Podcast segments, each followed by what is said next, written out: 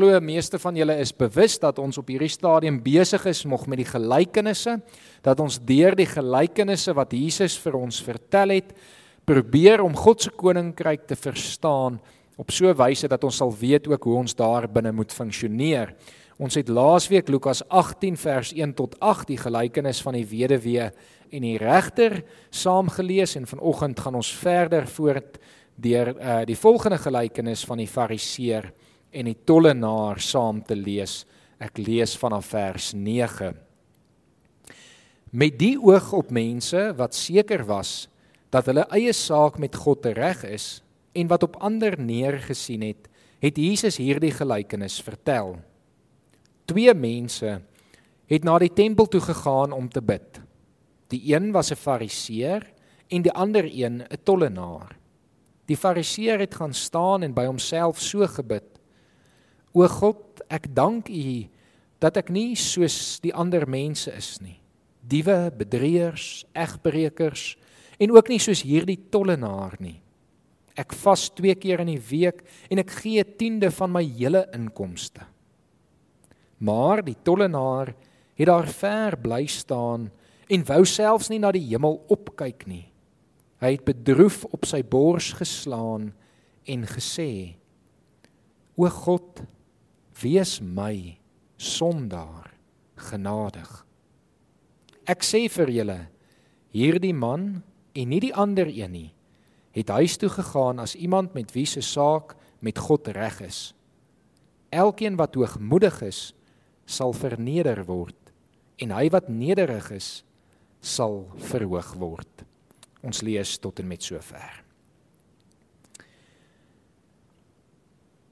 Laasweek se gelykenis rondom die weduwee en die regter het geëindig met 'n vraag. Die vraag was: Sal die seun van die mens wanneer hy weer aarde toe kom nog geloof op aarde vind?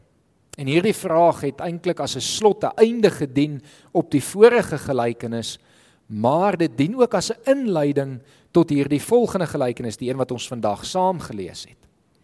Want daar was 'n groep mense wat na Jesus geluister het, wat gedink het hulle saak met die Here is reg. En dit is juis vir hulle wat Jesus hierdie gelykenis vertel sodat hulle iets oor die koninkryk kan leer en sodat hulle dan ook nie meer op ander mense sal neersien nie.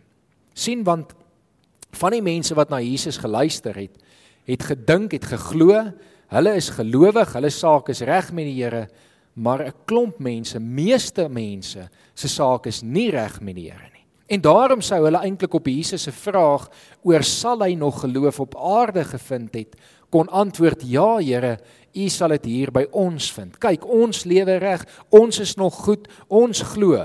Ons weet omtrent niemand anders doen nie. Kyk hoe sleg is al die ander mense. Kyk hoe sleg lewe al die ander mense. Maar ons, ons lewe mooi, ons lewe reg. U sal nog geloof by ons vind. En dan is dit juis vir hulle wat Jesus hierdie gelykenis vertel. Nou moet ons baie mooi in ag neem dat wanneer Jesus hierdie gelykenis vertel, die dominante verstaan van hoe ek in die koninkryk van God kan ingaan, hoe ek die ewige lewe gaan kry, gaan gepaard met wetsonderhouding. Hulle het geglo dat as jy die wet soos wat dit in die Ou Testament en die geskrifte en die profete van die Ou Testament saamgevat en verduidelik word, kan nakom en dit kan gehoorsaam, dan sal jy die koninkryk van God kan binnegaan. Dan sal God vir jou die ewige lewe gee. En dan vertel Jesus hierdie gelykenis om juis vir hulle die teendeel te openbaar. Dat God se koninkryk nie gebou en gegrond is op werke, op verdienste, op wetsonderhouding of gehoorsaamheid nie, maar eerder op grond van genade en op grond van liefde. So waar hulle gedink het ek kan myself red deur goed te leef en reg te doen, kom sê Jesus vir hulle, al hoe jy die koninkryk kan binnegaan is deur God se genade. En dan vertel hy vir hulle hierdie gelykenis. En wat sê Jesus dan? Hy sê daar's twee mense wat tempel toe gegaan het om te gaan bid. Twee mense wat voor God kom staan het om met hom te kan praat. Die eerste een was 'n fariseer. Nou wanneer ons dit hoor, moet ons besef dat Jesus baie spesifiek en doelbewus 'n fariseer kies om een groep mense te verteenwoordig en uit te beeld. Want dit was tipies van die fariseërs om te glo dat wetsonderhouding jou kan red. En hulle het hulle self daarop geroem. As jy deel was van die fariseërs, het jy die wet baie getrou en goed nagekom. En dan kom hierdie fariseer soos wat 'n fariseer baie waarskynlik sou gemaak het en hy kom gee amper sy CV vir die Here. Hy kom sê vir die Here, Here, kyk hoe goed het ek u wet nagekom. En hy begin en hy lys 'n paar dinge. Hy het nie gesteel nie. Hy het nie mense bedrieg nie, hy het nie vals getuienis afgelê nie. Hy het nie egbreek gepleeg nie. Julle hoor dat die 10 gebooie hier nogal ter sprake kom, nê? Veral die laaste paar gebooie wat oor ons mensverhoudinge gaan. Hy het niks hiervan gedoen nie. En behalwe vir dit, het hy nog meer gedoen. Hy vas twee keer 'n week en dan gee hy nog 'n tiende van al sy inkomste vir die Here. Hy gee hierdie CV vir die Here eintlik om vir die Here te sê, Here, kyk, ek is goed genoeg. Laat my in u koninkryk ingaan kyk wat het ek alles bereik. Kyk hoe goed het ek gelewe. Ek verdien die koninkryk. Ek verdien die ewige lewe. Maar ongelukkig is dit presies hier waar hy die koninkryk mis. Want die koninkryk gaan nie oor wetsonderhouding nie. Dit gaan oor genade en dit gaan oor liefde. En alhoewel hy dit reg gekry het om te probeer om die Here so goed soos wat hy kan te dien, mis hy eintlik die punt. Want deur hierdie CV voor te lê en dan dit te vergelyk met ander mense en spesifiek hierdie tollenaar ons sal nou by die tollenaar stil staan, is hy besig om met 'n hoogmoedige hart wat eintlik nie in die koninkryk inpas nie te probeer die koninkryk binnegaan. Ek lees hoe een skrywer dit onder andere gestel het. In die fariseërs se gebed hoor ons iets van hoe hy dink en wat in sy hart aan die gang is. Dit spreek boekdele van sy menswees en hoe hy oor homself, maar by uitstek oor ander mense dink. Dit spreek van sy godsdienstige meerderwaardigheid, sy hoogmoedigheid ten opsigte van alles wat hy gemeen het, hy in die geloofsfeer van sy lewe vermag en reg gekry het. Sy trotse gebed was inderwaarheid geen gebed nie, maar eerder 'n advertensie van homself en hoe hy die toonbeeld van vroomheid en heiligheid is. Die probleem van hierdie fariseer was dat hy op homself en op ander mense gefokus was en dat hy probeer in sy vergelyking teenoor ander mense sê maar in vergelyking met hulle is ek goed genoeg laat my in die koninkryk ingaan In kontras met die fariseer kry ons 'n tollenaar. 'n Tollenaar wat ook tempel toe gekom het om te kom bid, wat ook voor God wou verskyn om met God te praat.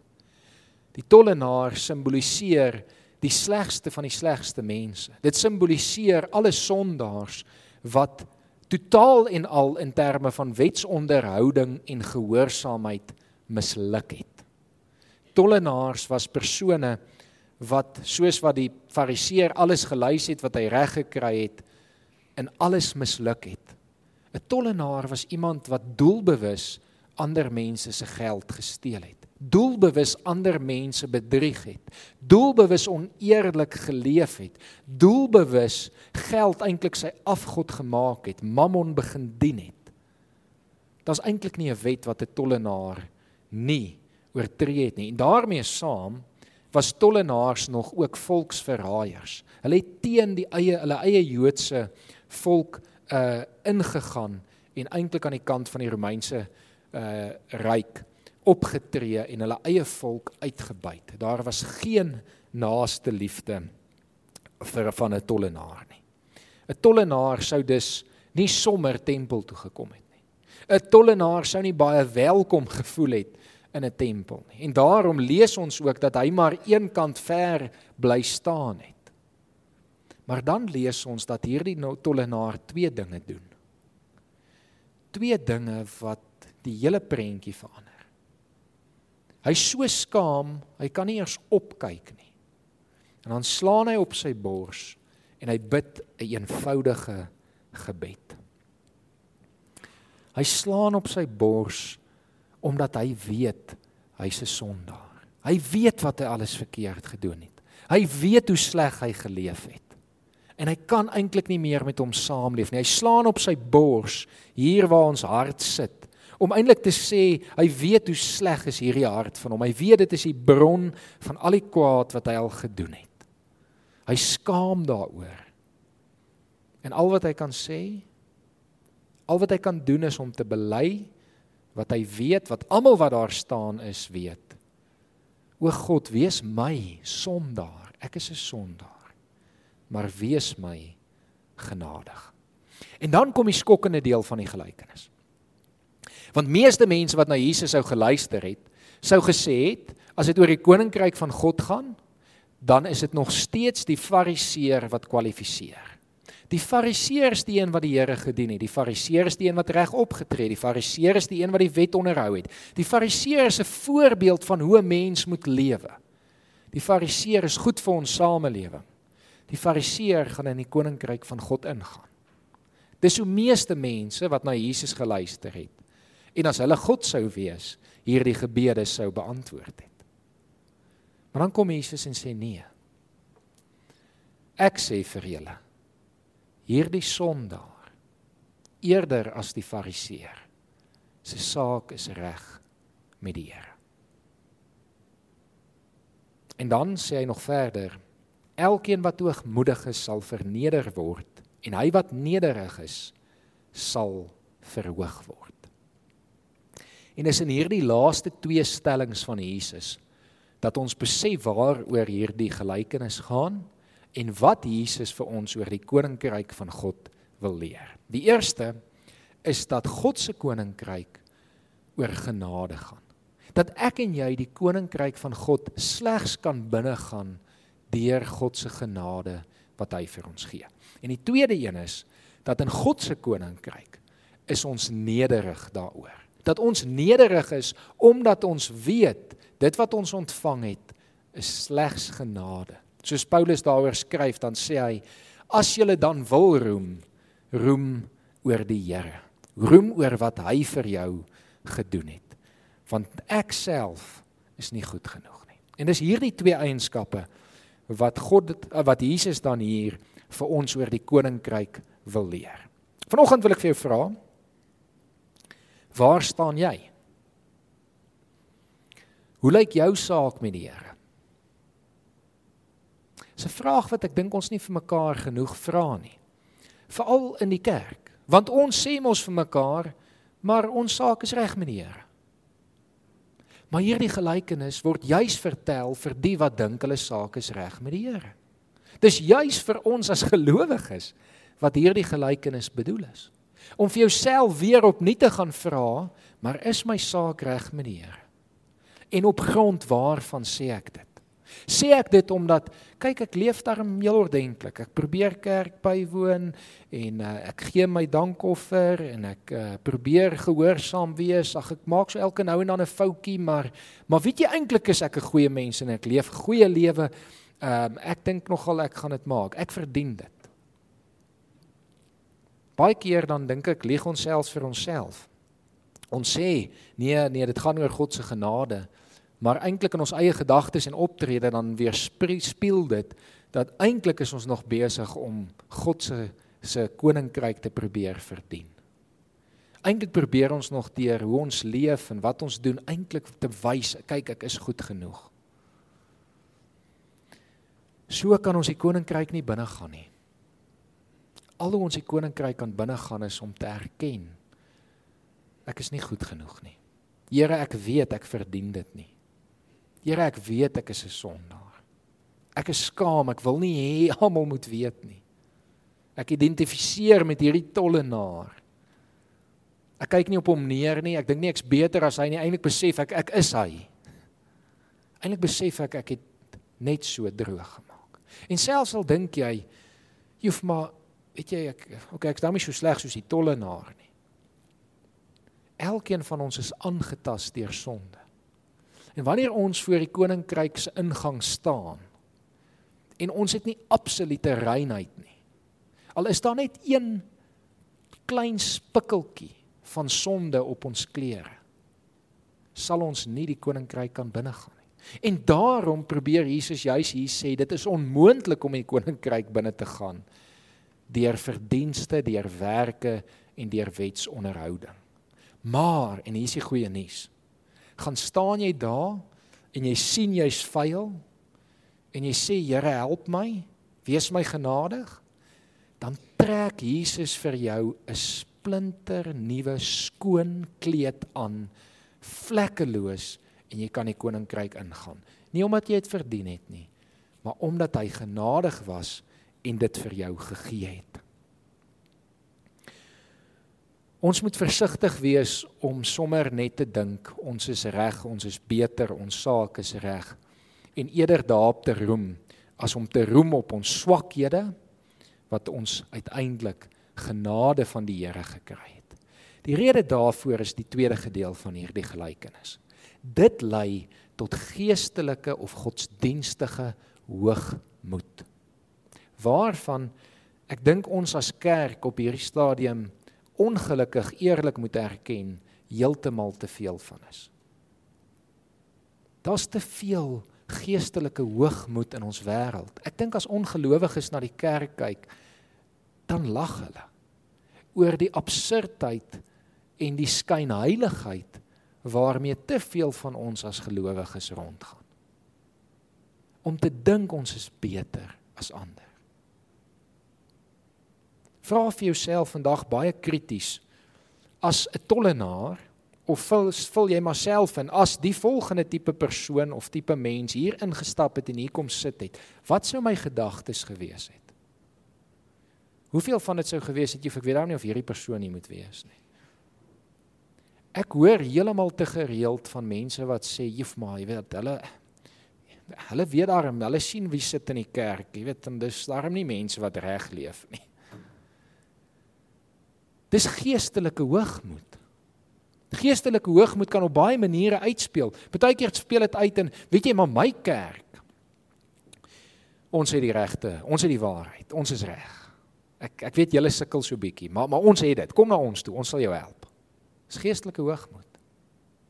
Weet jy die Heilige Gees werk in ons kerk. Ek weet julle as NG Kerk, dit hoor ek gereeld, sukkel so bietjie met die Heilige Gees. Maar by ons, ons is reg. Dis geestelike hoogmoed. Mense wat in die media krities staan teenoor die kerk hier en daar, is geestelike hoogmoed, dis niks anders nie. Om te dink, weet jy, ek het die waarheid en ek is beter. My teologie is suiwerder. Ek is nader aan die kern van Christendom. Dis alles maniere ons eintlik maar probeer sê ons verdien die koninkryk. Nie ons het dit gekry uit genade en ons leef dit in dankbaarheid. Selfs al verdien ons dit nie.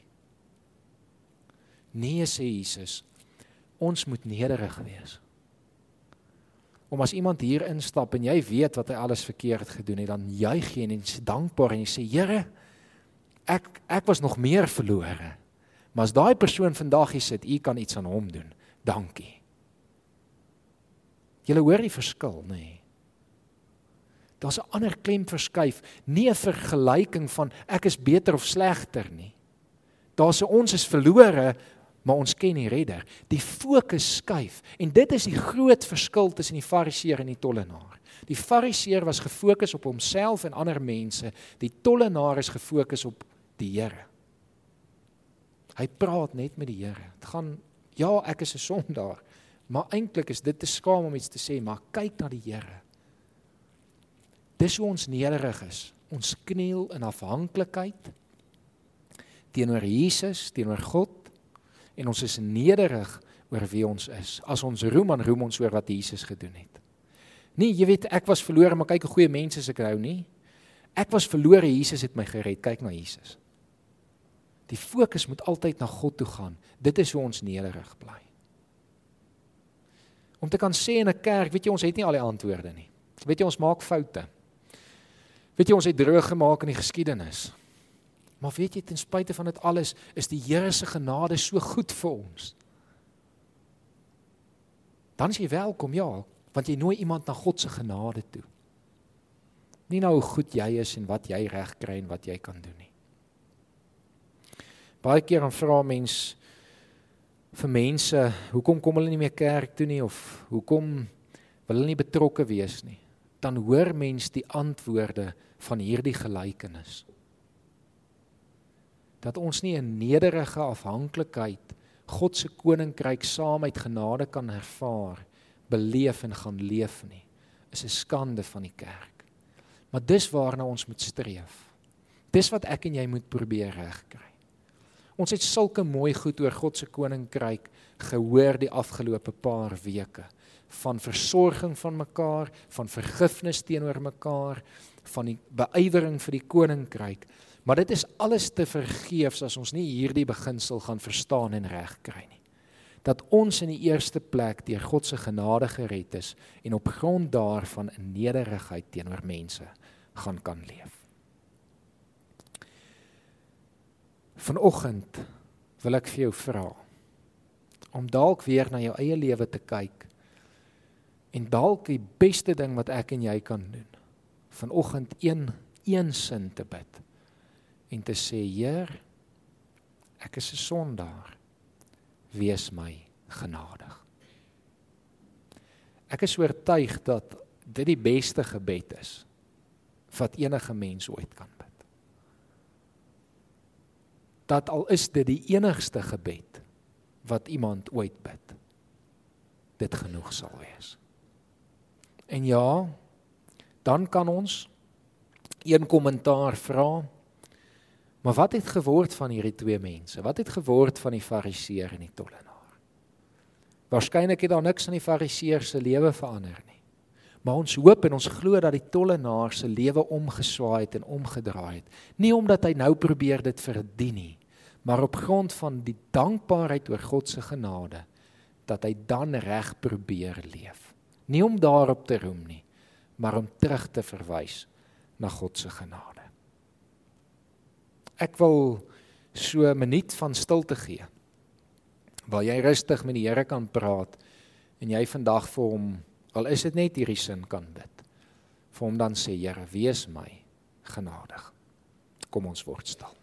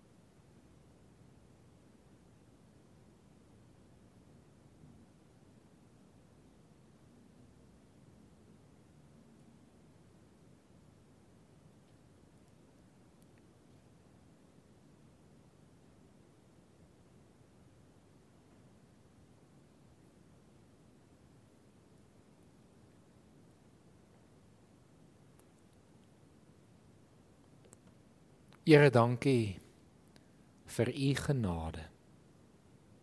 Dankie dat u ons so lief gehad het. Dat u ons eerste lief gehad het. Dat u bereid was om mens te word. Dat u bereid was om ons straf te dra. Dat u bereid was om gekruisig te word, te sterf. Maar Here, dankie dat u ook opgestaan het en die dood oorwin het. Dat ons vandag hier kan sit en kan sê, Here, ons weet ons verdien niks nie. Ons weet ons hoort nie in die koninkryk nie. Maar dankie dat U ons uitnooi. Dankie dat U ons vergewe. Dankie dat U ons vryspreek. Dankie dat U ons innooi om U kinders te wees. Dankie vir U genade. Dankie Here dat U ons as sondaars welkom laat voel. Here kom help ons. Kom help ons Here om dit wat ons ontvang het te gaan leef.